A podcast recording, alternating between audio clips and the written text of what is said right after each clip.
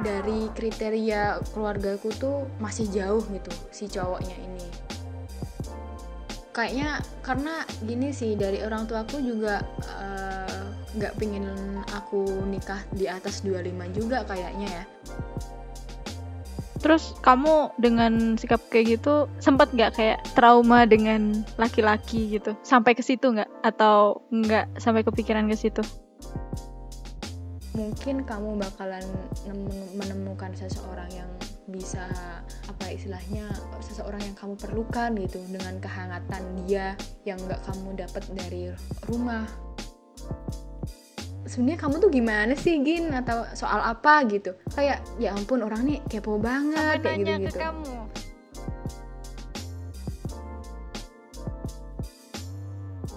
tapi kalau dalam urusan asmara, apakah kamu juga dikekang banget sebegitunya? Eh, uh, dulu sih iya ya, dulu kayak. Sampai saat ini? Kalau sekarang tuh, hmm, gimana ya? Uh, kalau ngebatasinnya tuh, ya pasti ada batas lah ya. Koknya buat laki-laki di luar sana. Siap. Aku uh, orang orang orang tuaku, keluargaku itu nggak cocok sama orang luar Jawa. Okay. Jadi apa ya istilahnya? Hmm, terlalu jauh ya. Jadi buat yang di luar sana yang luar Jawa, tolong jangan dekatin Gina ya. Terlalu jauh, terlalu jauh ya kecuali ya mungkin kecuali kalau memang jodohnya emang dari sana ya siapa yang tahu gitu. Cuman untuk masalah uh, batasan dulu dibatasi sih. Mungkin karena karena anaknya belum pernah punya gambaran atau belum dewasa juga. Kan posisi baru lulus saja juga masih beberapa bulan yang lalu. Terus istilahnya mungkin pikiran matengnya tuh masih baru-baru aja gitu loh pikir orang tua aku jadi waktu dulu tuh bener-bener ya jangan yang kayak gini jangan jangan yang kayak gitu jangan bla bla bla jangan bla bla bla kayak gitu. Tapi biasanya kalau udah udah mungkin aku istilahnya ngenalin gitu ya hmm. ngenalin ke orang tua. Dan sebelumnya tuh udah mencari sesosok yang di apa ya yang sesuai sama yang diminta, diminta. keluargaku eh minta. Ya itu mungkin akan lebih lebih apa ya lebih lebih bisa dipertimbangkan gitu loh. Daripada dari kriteria keluargaku tuh masih jauh gitu si cowoknya ini. Tapi kalau misalkan misalkan nih dari 10 kriteria uh, aku udah dapet 8 apa 7 gitu itu biasanya masih bisa dinego-nego lah tapi kalau uh, masih jauh misalkan masih 4 atau lima atau masih dua itu masih sangat-sangat susah untuk dimasukin atau kayak di lobby sama keluarga tuh masih susah. Tapi ini berarti kamu udah melobi? Uh, rahasia dong. Wah, rahasia nih guys. Jadi masih ada slot kosong kayaknya ya bagi kalian yang berjuang. entahlah soalnya susah juga ya kalau misalkan uh, biasanya kan gini banyak banget kejadian di luar sana yang mana kita udah cocok tapi orang tua nggak cocok kayak gitu yeah. ada aja yang kurang gitu di saat uh, orang tua nyariin terus ternyata kita yang nggak cocok uh. jadi kayak serba apa ya agak susah juga ngepasin di tengahnya tuh kayak gimana. Saat orang tua cocok kita cocok dia nggak cocok. Iya susah itu bu. Jadi kayak kayak gini sih apalagi gini udah udah tahu sama-sama cocok ternyata cowoknya nggak ada cik dia cuman bayangan doang kak sedih banget. Ya apa ya? Kalau kalau sekarang sih lebih lebih apa ya? Lebih balik ke diri aku sendiri sih orang tua. Jadi kayak uh, mungkin karena aku bukan tipe orang yang kan ada sih ya teman-teman kita tuh yang uh, lebih dilonggarin soal masalah asmara sama orang tuanya misalkan anaknya itu deket sama cowok uh, dibawa ke rumah kan udah biasa kayak gitu loh jadi sekedar main-main doang atau hmm. apa kan udah biasa itu ada gitu dan dan banyak orang tua yang kayak gitu tapi kalau yang orang tua aku tuh modelnya karena dari sananya tuh nggak boleh istilahnya pacaran sebelum aku tuh ini aku kuliah gitu. oh. gitu terus bener-bener kayak diseriusin kayak dia apa ya istilahnya dikasih perhatian dari orang tua soal masalah asmara itu kan mulai aku lulus kuliah gitu. Jadi uh, istilahnya untuk memulai memulai fase di mana anaknya itu suka sama cowok antara aku sama orang tua aku itu agak agak aneh gitu agak canggung paham gak sih? Hmm gitu. Iya, iya, iya. karena karena nggak pernah kayak gitu juga gitu loh. Jadi setelah aku lulus ini juga kan kayak ya udah lebih kayak dibebasin. Dibebasinnya kayak ya udah kamu istilahnya nggak lebih apa ya menaruh kepercayaan ke aku sih kalau kalau sekarang ya soal masalah asma. Jadi kalau kamu cocok kamu tahu dia baik dia ini dia itu dan dari segi kepinginan orang tua si cowoknya itu eh, dapet gitu ya udah nggak apa-apa kamu yang milih kayak gitu. Kayak kamu yang nentuin kamu milih mau sama siapa gitu. Berarti diberi kebebasan ya. eh, diberi kebebasan dengan syarat cowok yang aku, jadi cowok yang aku kenalin ke orang tua itu harus yang udah termasuk kriteria, dari Kriteria keluarga gitu loh. Paham gak sih jadi nggak sembarang juga langsung bisa aku kenalin ke orang tua gitu nggak bisa. Wow.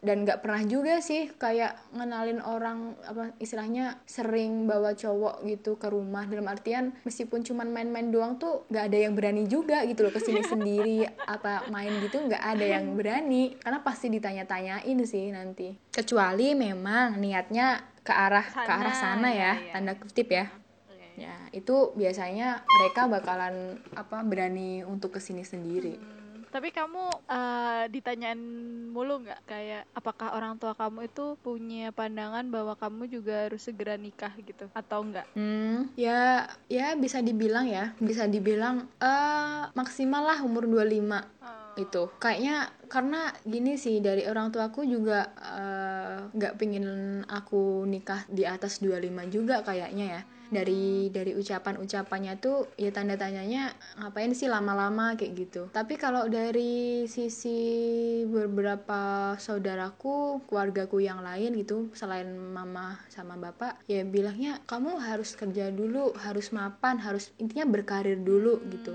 Baru Iya iya iya. nanti bisalah ke arah sana gitu. Tapi kalau pikirnya orang tua aku ya kamu tuh cewek gitu. Eh, soal masalah kerjaan ya nanti gini sih prinsipnya tuh gini. Kan kerjaan kan juga rezeki ya. Terus kita menikah pun juga rezeki kita. Jadi dilihat aja gitu. Kita sama-sama usaha. eh, kita juga misalkan kalau aku ya, aku ya juga berusaha eh, nyari kerja.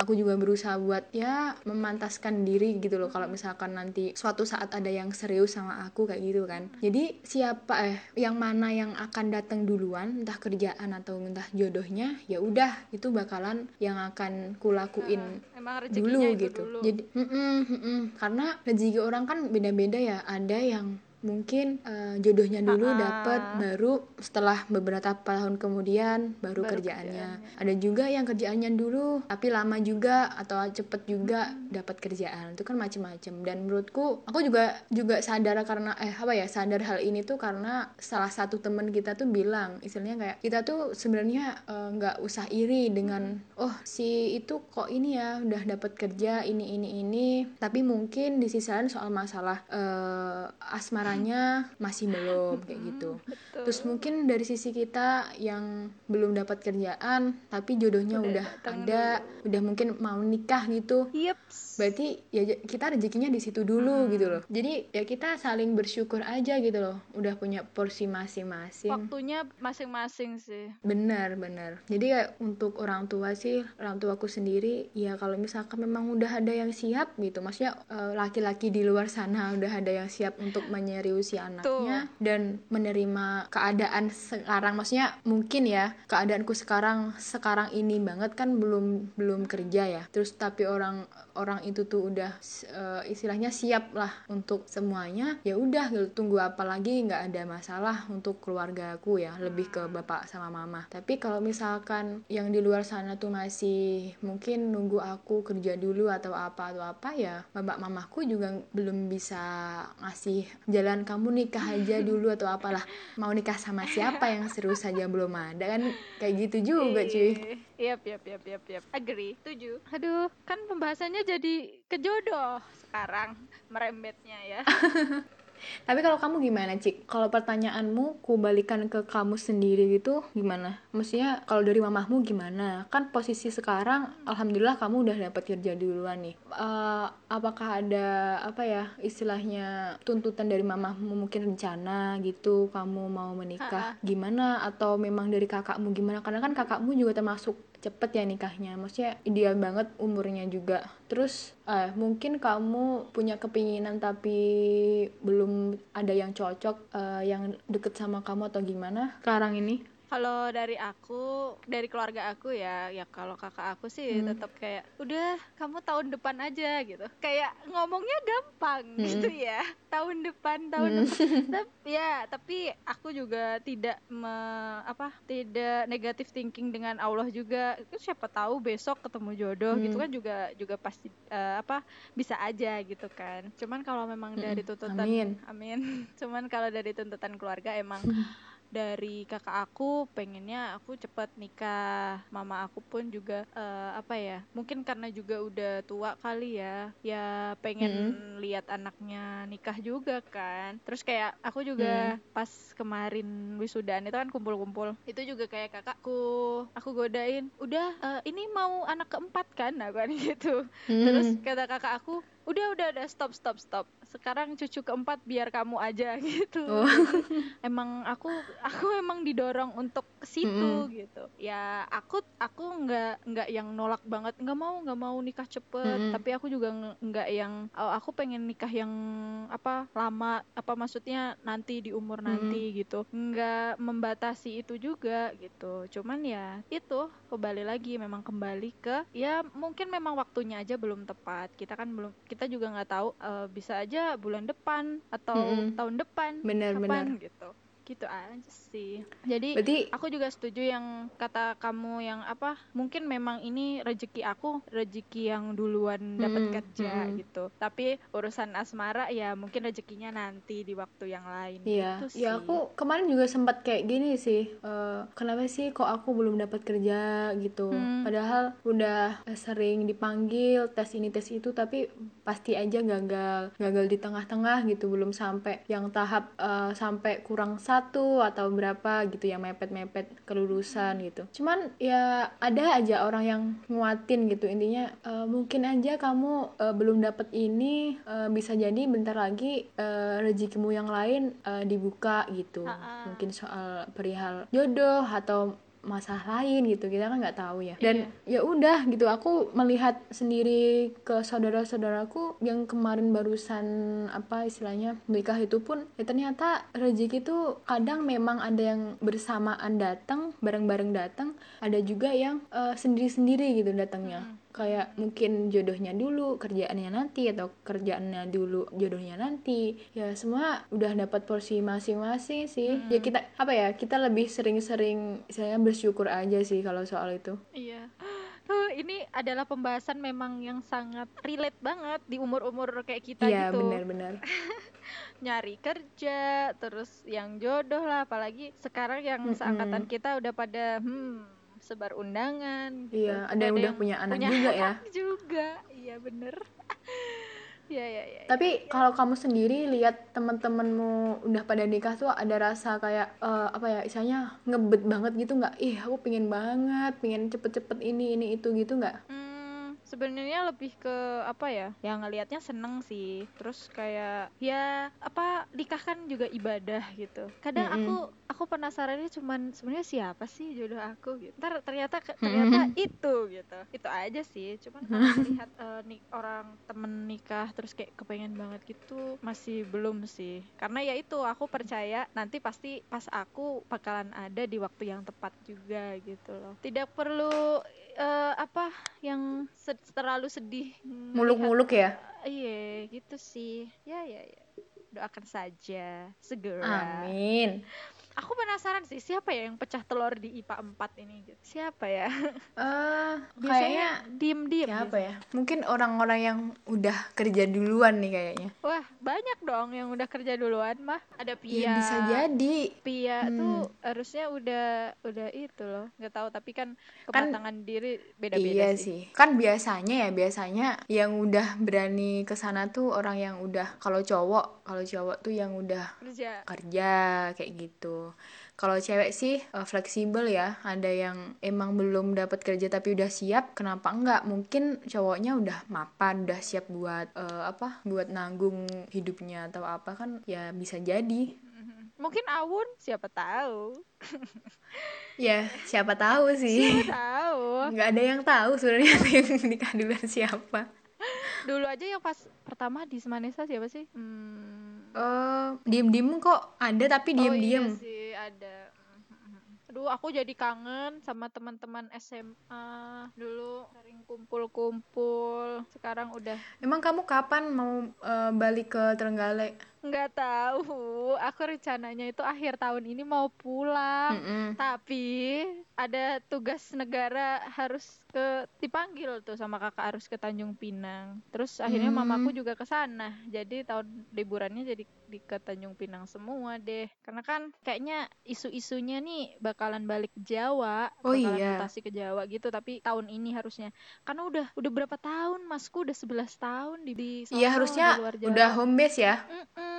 Soalnya teman-teman yang seangkatannya dia itu udah tinggal dua, tinggal dia sama temennya satu ini yang masih tetap di luar Jawa gitu. Oh, alah gini Semuanya gitu. udah pada pulang. Mm, Jadi disuruh tahun baruan di sana aja gitu. Ya enak sih nggak apa-apa. Padahal aku pengen pulang juga. Toh di sana juga bisa kumpul keluarga kan? Iya sih. Cuman kayak kerja di perantauan jarang pulang. Ya begitulah ibu namanya juga mencari mencari ini rezeki. Mm. Tapi kalau misal nih ya, kamu ternyata tiba-tiba keterimanya di Hmm. Jakarta nih. Apakah bapak kamu juga langsung kayak enggak enggak bisa kamu harus tolak tuh kerjaan itu gitu. Kayaknya tergantung perusahaannya, maksudnya Ah, punya masa iya, depan iya, yang bagus apa enggak. Biasanya gitu sih dari pengalamanku kemarin. Berarti kan harusnya tetap dibolehin kan, misal memang perusahaannya bonefit kan kamu bakal dilepas ke Jakarta juga kan. Harusnya ya, cuman kan gini, proses eh, tesnya itu kan pastilah eh, ada saatnya ke sana.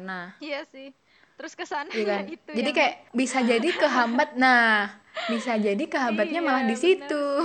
Tapi emang kamu ada tuntutan untuk harus ke perusahaan yang benar-benar bagus, benar-benar yang BUMN harus ini gitu. Nggak ada sih sebenarnya, Hmm, nggak ada. oke oke. Tapi kamu emang nggak ada kepikiran untuk ke bank? Eh, nggak ada sih rencananya. Rencananya sih nggak ada. Cuman dari sisi orang tua ada. Oh iya. Malah dorongannya gede banget. Oh, Dah, iya? di sini aja. nih. Pokoknya serba salah lah aku tuh. Katanya eh, aku kan pasti setiap orang tuh ada yang disenengi, ada yang enggak ya. Hmm. Dan aku tuh kurang suka aja di bank. ya ada alasannya lah, eh, alasan pribadi gitu. Cuman orang tua tuh pas tahu aku sering nolak kalau disuruh kerja di bank, malah bilangnya katanya gini, oh gini ya, nggak mau kerja di bank karena nggak mau kerja keras aja ya, nggak mau lembur-lembur ya, kayak Aduh gini ya gitu. Allah. Pengennya, pengennya ini ya kerjanya santai-santai terus dapat duit banyak gitu. Aduh ya Allah, serba salah aku tuh.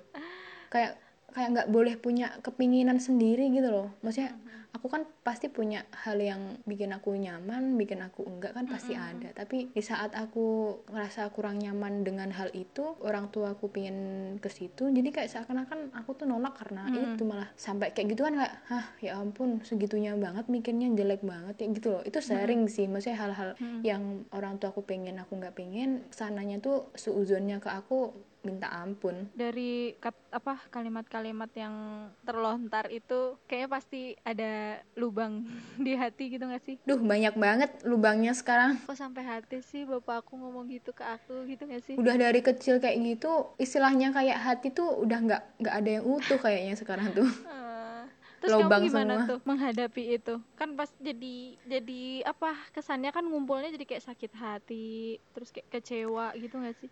Nah itu kamu menghadapinya gimana? Sedangkan itu kan bapak kamu sendiri gitu loh. Ya aku kadang biasanya diem terus pergi aja gitu. Kalau enggak ya pergi sama nangis gitu. Udah biasa. Kadang apa ya aku lebih sering diem terus pergi gitu. Pergi terus ngunci di kamar nangis. Udah gitu. Kadang sampai berhari-hari kalau misalkan ucapannya itu terlalu pedes ya, terlalu dalam banget, itu kadang aku bisa bener-bener ber berhari-hari itu diem di kamar kayak gitu. Kayak apa ya?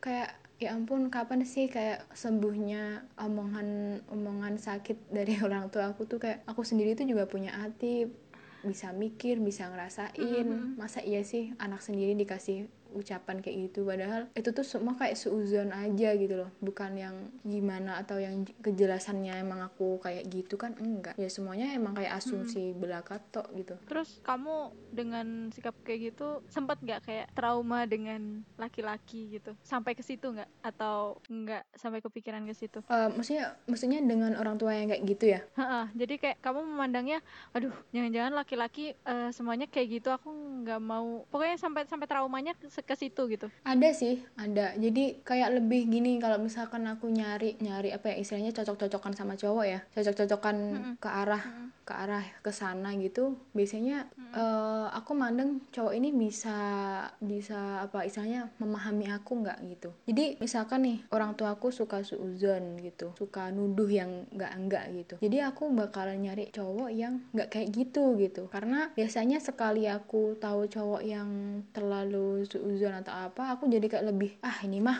kayak bapak aku kayak gitu. Kayak gitu loh ini ah ini mah sama kayak ini kayak ini. Jadi kayak lebih kayak gitu. Kadang jadi ada filternya tuh, gitu ya? Mm -mm, mm -mm, bener bener. Karena kan gini ya dengan kondisi aku kayak gini lingkunganku kayak gini pastilah nanti suatu saat nanti kalau memang diizinkan buat punya keluarga sendiri kan pastilah uh, kepengenannya jangan sampai. Jadi kayak gini sifat-sifat jelek dari dari rumah tuh jangan sampai uh, ke bawah ke rumah tanggaku yang baru nanti gitu. Maksudnya keluarga kecilku nanti kan jangan sampai gitu banyak banget sebenarnya hal-hal positif dari bapak aku, dari mamaku yang bisa aku terapin, bisa aku hmm. cari dari pasanganku nanti gitu. Cuman kan nggak mungkin juga semua hal-hal yang ada di bapakku tuh bakalan aku serap ya. Hmm. Pasti yang negatif-negatif aku tinggalin dan itu secara nggak langsung uh, apa ya jadi filter gitu loh buat aku nyari cowok juga. Hmm. Jadi kalau aku orangnya keras pasti aku ny bakal nyari orang yang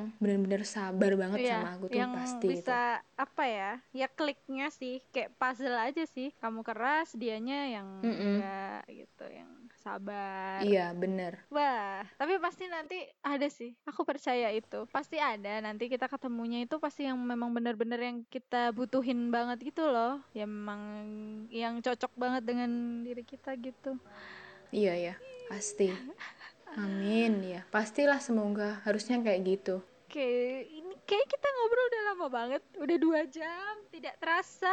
Sama kayak pas aku sama Ijat kemarin juga dua jam, nggak kerasa. Oh iya. Mm-mm. Mungkin ini buat yang terakhir kali ya. Mm. Pesan nih buat buat yang aku rasa kayaknya pasti ada sih orang yang mengalami hal yang sama kayak kamu mm. yang uh, apa hidup dalam keluarga yang strike gitu. Nah mungkin kamu ada pesan buat uh, mereka gitu kayak gimana gitu. Terus sama buat orang-orang yang kayak apa? Nyinyir. Nyinyir ya. That's betul kata yang tepat itu. Silahkan dikeluarkan semuanya tidak apa-apa. Uh, kalau in apa ya pesan buat teman-teman yang seperjuangan kali ya? Bener. Kalau menurutku gini uh, kalau dikata aku tuh nggak sayang sama orang tua itu salah banget hmm. gitu. Aku justru sayang banget gitu loh sama orang tuaku. Hmm. Karena uh, kalau misalkan aku nggak sayang aku nggak bakalan istilahnya ngemis-ngemis buat minta perhatian ke mereka gitu loh. Mereka harus ini harus itu harus gimana yang sesuai dengan apa yang aku mau gitu. Kalau aku memang nggak sayang nggak mungkin aku meminta itu ke mereka gitu loh. Jadi di apa ya kalau misalkan di luar sana orang-orang tuh mikir kamu tuh nggak boleh nggak sayang sama orang tuamu kayak gimana gimana itu itu salah. Hmm. aku kayak gini tuh aku malah sayang banget sama orang tuaku dan uh, aku tahu mereka seperti itu karena memang sayang sama kita gitu. Nggak ada namanya mereka tuh kayak dengan sengaja uh, istilahnya mau ngejahatin kita hmm, tuh hmm. atau ngasih hal-hal buruk ke kita tuh nggak mungkin jadi kalau yang sekarang sedang berada di lingkungan atau kondisi seperti itu ya udah ayolah berjuang bersama kita kuat-kuatin hmm. itu ya meskipun sebenarnya kita tuh nggak kuat ya kayak ngerasa ya ampun rasanya kayak kayak pingin pingin mati aja lah pingin apa gitulah sebenarnya apa ya wajar ya kalau menurutku wajar orang tuh sampai uh, ngerasa se-stres itu gitu. Cuman gini pasti ada saatnya sih nanti bakalan semuanya tuh berubah gitu. Mungkin kamu bakalan menemukan seseorang yang bisa apa istilahnya seseorang yang kamu perlukan gitu dengan kehangatan dia yang nggak kamu dapat dari rumah. Atau enggak mungkin lambat laun orang tua akan berubah dengan sendirinya gitu. hmm jadi apa ya kalau kalau di luar sana ada yang memang benar-benar benci sama orang tuanya jangan gitu. Karena menurutku kita tuh sebenarnya cuman ngerasa kayak apa ya emosi aja gitu loh. Emosi yang mana kita kurang diperlakukan dengan baik gitu. Tapi aslinya orang tua kita tuh niatnya baik gitu. Jangan sampai kita tuh benci orang tua tuh jangan sampai. Aku pun sebenarnya sayang banget sama mereka. Cuman karena memang caranya mereka tuh ya banyak kurang Wah, tepatnya kalau menurutku ya ya jadi ya udahlah gitu loh. Ya udahlah kalau misalkan dikasih tahu nggak bisa kalau memang orang tua juga nggak berubah ubah uh, sifatnya ke arah yang lebih baik ya udah gitu. Kita legowo aja lah istilahnya ya legowo aja ya kalau sakit jadi dinikmati kalau bisa bahagia bareng-bareng sama keluarga ya dinikmatin juga. Soalnya mau gimana lagi gitu loh. Itu orang tua kita dan uh, mereka udah istilahnya lindungin ngasih keamanan ke kita dari sejak kita lahir ke dunia sampai sekarang ini. Biaya juga mereka yang ngasih semuanya dari mereka gitu. Ya kecuali kalau kita udah dari sejak kecil lah bisa ng ngasihin duit sendiri bisa mandiri nggak nggak sama orang tua nggak ini itu ya silahkan gitu loh kalau mau keluar dari lingkungan tersebut nggak masalah cuman yang balik lagi itu itu tetap orang tuamu tetap kamu hormatin bahkan bagaimanapun kondisi orang tuamu kan itu tetap orang yang pernah merawat kamu dari bayi gitu loh hmm. dari kamu belum bisa apa-apa jadi orang yang bisa gitu terus eh, kesimpulannya cuman itu sih intinya meskipun kamu di situasi kayak gitu ya tetap lah harus tetep kamu sayang, sayang sama orang tuamu hmm. uh, jadi jangan sampai kamu berpikir kalau ya orang tuamu tuh sengaja jahat mungkin dari satu juta orang cuman satu ya orang tua kayak gitu tuh hmm. pasti ada cuman jarang banget yang kayak gitu tuh jarang banget pokoknya tetap aja sih orang tua tuh baik sebenarnya cuman mungkin ada hal-hal yang kurang pas aja gitu hmm. uh, apa caranya ke kita. Nah, buat gitu. yang nyinyir? Terus untuk orang-orang di luar sana yang nggak pernah berada di kondisi seperti ini hmm. atau nggak pernah punya apa, apa ya nggak pernah tahu atau punya teman yang uh, mengalami hal semacam ini, tolong banget jangan sampai kalian tuh di saat ada orang yang mungkin uh, butuh didengarkan tapi kamu malah menjatuhkan kayak gitu. Jadi mungkin orang tuh bingung ya di saat kayak aku gini ya yang ngerasain hal semacam kayak gini, bingung mau curhat ke siapa, siapa? mau cerita ke siapa. Hmm. Kadang uh, kita sebenarnya punya temen nih ada lima orang, cuman kalau kita tuh terlalu sering cerita ke mereka kita juga ngerasa nggak enak gitu loh. Kayak ngebebanin mereka. Karena apa ya yang punya masalah tuh nggak kita doang yeah. gitu. Tapi mereka juga punya beban dan tanpa kita tahu bisa aja kita cerita ke mereka tuh malah nambah beban mereka gitu. Ya mereka uh, ya alhamdulillah sih sangat bersyukur banget sejauh ini punya teman-teman baik yang bisa uh, dukung aku. Keadaan kayak gini tuh pasti istilahnya selalu ada mau dengerin dan segala macam. Cuman yang nggak bisa aku kontrol itu orang-orang yang di luar sana yang tanpa tahu sebenarnya situasi kondisiku di sini tuh kayak gimana tuh itu sih yang kadang omongannya nggak nggak enak juga.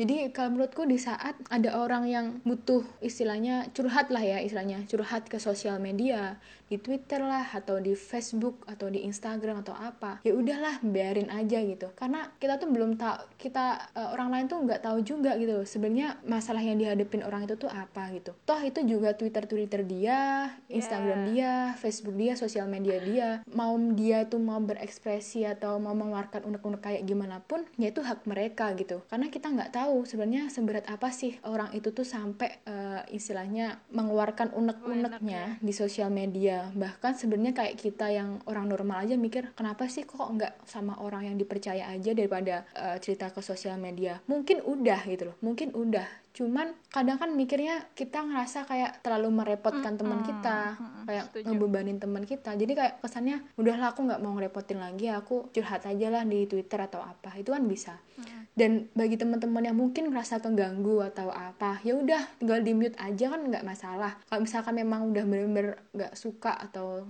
ngerasa keganggu di unfollow aja. di unfollow aja. Nah di unfollow aja juga nggak apa-apa gitu loh. Nggak ada masalah di situ juga. Karena semua orang kan ya punya punya toleransi masing-masing ya termasuk orang lain ke kita juga. Jadi daripada kalian kalian orang-orang ya yang kayak gitu tuh nyinyir maksudnya kayak alah gitu doang kayak gitu. Kalau nggak gitu kamu paling yang salah atau apa atau gini langsung aja kayak ngejudge gitu kan tanpa tahu sebenarnya yang terjadi apa kayak gitu ya udah mending daripada ngerasa nggak nyaman terus berakhir nyinyir di Instagram atau di mana pun ya udah di unfollow aja atau di mute aja juga nggak masalah gitu loh akan lebih baik di situ daripada malah kayak temen sendiri terus tiba-tiba uh, di saat kita istilahnya sambat ya di Twitter gitu terus kita dinyinyirin sama mereka atau malah ya biasalah netizen kan sok tahu ya sok maha benar jadi.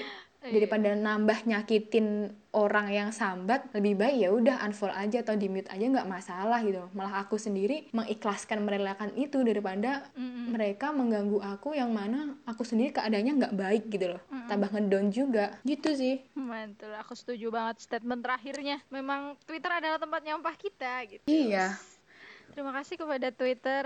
Komenku iya kayak gitu sih. iya. Jadi kadang kalau ada yang nyampah di Twitter, wah menarik nih. Aku cuman gitu aja sih, nggak yang sampai nyinyirin gitu. Tapi ini sih apa uh, satu lagi kayak gini. Kalau memang orang itu ya, masih orang itu tuh misalkan nggak nyaman sama kita atau apa. Kalau niatnya, nah kalau niatnya cuman kepo doang, mending nggak usah tanya gitu loh. Daripada kamu tuh pingin tahu masalah orang itu, tapi ah, dia tuh nggak pingin kepo. peduli gitu. Cuman pingin kepo. Oh masalahnya ini ya udah langsung dibu dibikin istilahnya bahan julid di belakang kayak misalnya eh Gina tuh gini loh Gina tuh gini misalnya kayak Banyak gitu. ya yang kayak gitu itu ya ada itu orang kayak gitu tuh ada. Jadi daripada cuman sok-sok peduli atau cuman kepo doang yang pada akhirnya dibuat bahan uh, gibah di belakang mending udahlah stop nggak usah sok-sokan kayak gitu. Kalau memang bener-bener peduli kamu nggak bakal ngelakuin hal seburuk itu gitu loh sama temanmu sendiri gitu. Ya kan mending kayak gini kan kalau misalkan kondisinya dibalik kamu mau nggak kayak digituin sama orang lain? Kayak gitu aja gitu loh. Tapi emang sedikit sih orang yang mikir sampai situ. Maksudnya kalau misalnya keadaannya di balik tuh masih sedikit banget orang yang mikir hmm. sampai situ jadi aku pun juga berusaha kayak belajar di saat ada orang lain yang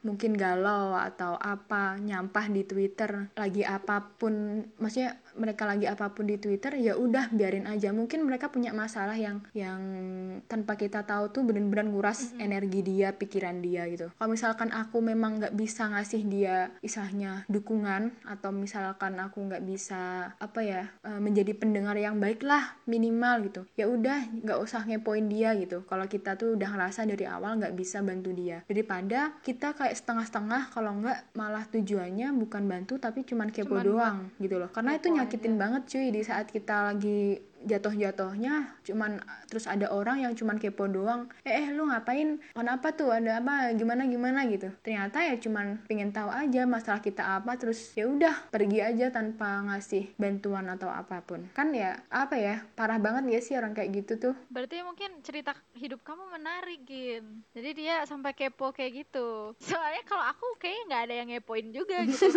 Mau mau apa gitu. Jadi mungkin karena kamu ceritanya menarik untuk netizen netizen di luar sana gitu bisa jadi sih ya karena aduh, mungkin aduh. kayak masalah asmara aku kan juga sangat tertutup ya hmm. maksudnya nggak nggak hmm, semua itu yang orang sering dikepoin kayaknya nggak semua orang tahu juga terus masalah keluargaku kayak gini ternyata terus maksudnya nggak semuanya orang eh maksudnya nggak semua hal aku umbar gitu loh di hmm. mana di sosial media. media jadi kayak seakan-akan memang aku sangat-sangat tertutup untuk itu. Dan mereka pun maksudnya gimana ya dengan mata kepalaku sendiri aku bener-bener tahu orang tuh kepoin aku gitu loh. Kayak apa ya sebenarnya kamu tuh gimana sih gin? Atau soal apa? gitu. Kayak ya ampun orang nih kepo banget kayak gitu-gitu. Sampai nanya ke kamu. Nanya langsung kamu? Iya bener. Di depanku sendiri. Maksudnya pas kita lagi ngumpul-ngumpul gitu gitu loh. Uh -uh. jadi kayak ya ampun aku gitu. Ya ya nggak ada salahnya sih mereka tanya. Cuman kalau menurutku hmm, ya sekali ya sekali tok atau dua kali nggak masalah ya. Maksudnya tanya terus aku nggak jawab gitu terus mereka tanya lagi. Cuman ini tuh sampai berkali-kali gitu kayak apa nyudutin aku menggali, gitu loh. Bener-bener menggali. Menggali banget menggali-gali. Sebenarnya gimana sih gimana sih kayak gitu. Ya udah. Jadi kupikir emang ada sih orang kayak gitu. Ternyata ya nggak semua orang ngalamin kayak gitu sih. Tapi kalau aku sendiri aku pernah ngalamin yang hal kayak kayak gitu tuh pernah. Jadi ya aku cuman berpesan aja sama orang-orang yang kayak gitu. Kalau misalkan kamu tuh nggak mau dikepoin jangan ngepoin orang gitu loh. Soalnya kalau kamu dikepoin sendiri aja suka suka uh, suka nggak jujur suka nggak mau terbuka kok mau ngepoin orang sampai bener-bener uh, dari bawah sampai atas kamu mau mengkorek-korek sampai habis. Interview jadinya. Ngaca aja lah ngaca gitu. Aduh, aduh. Uh, tuh buat netizen Oke, okay, menarik sekali ini. Wah, semakin panas ya di akhir-akhir. Mungkin itu aja kali ya obrolan kita. Nanti bisa lanjut sharing-sharing lagi. Oke. Okay. Untuk mungkin tema-tema yang lain gitu. Ya, yang lebih ini ya, yang lebih spesifik dan hangat. Oke, okay, yang lebih panas. iya, lebih hot lagi gitu. Semoga ini sharing kita bermanfaat bagi yang di luar sana atau yeah. Iya. uh, setidaknya kalau nggak ber, bermanfaat bisa buat nemenin aja di kala hari-hari yang suram ya itu aja kali ya sharing kali okay. ini terima kasih banget sudah ya, mau sama-sama sudah mau bercerita dua jam penuh loh ini hitungannya kita itu ketemuan ngobrol iya ya full banget. Ya ya ntar kalau kamu ke Bandung jangan lupa kabarin aku. Insya Allah. Amin amin. Kalau ada apa panggilan interview kali aja di Bandung kan? Amin amin. Ya semoga lah. Ya. semoga kerjaannya ada yang nyantol yang sesuai dengan harapan. Amin. Terima kasih okay. sudah mendengarkan podcast bagi ruang ini. Sampai bertemu di podcast selanjutnya. Dadah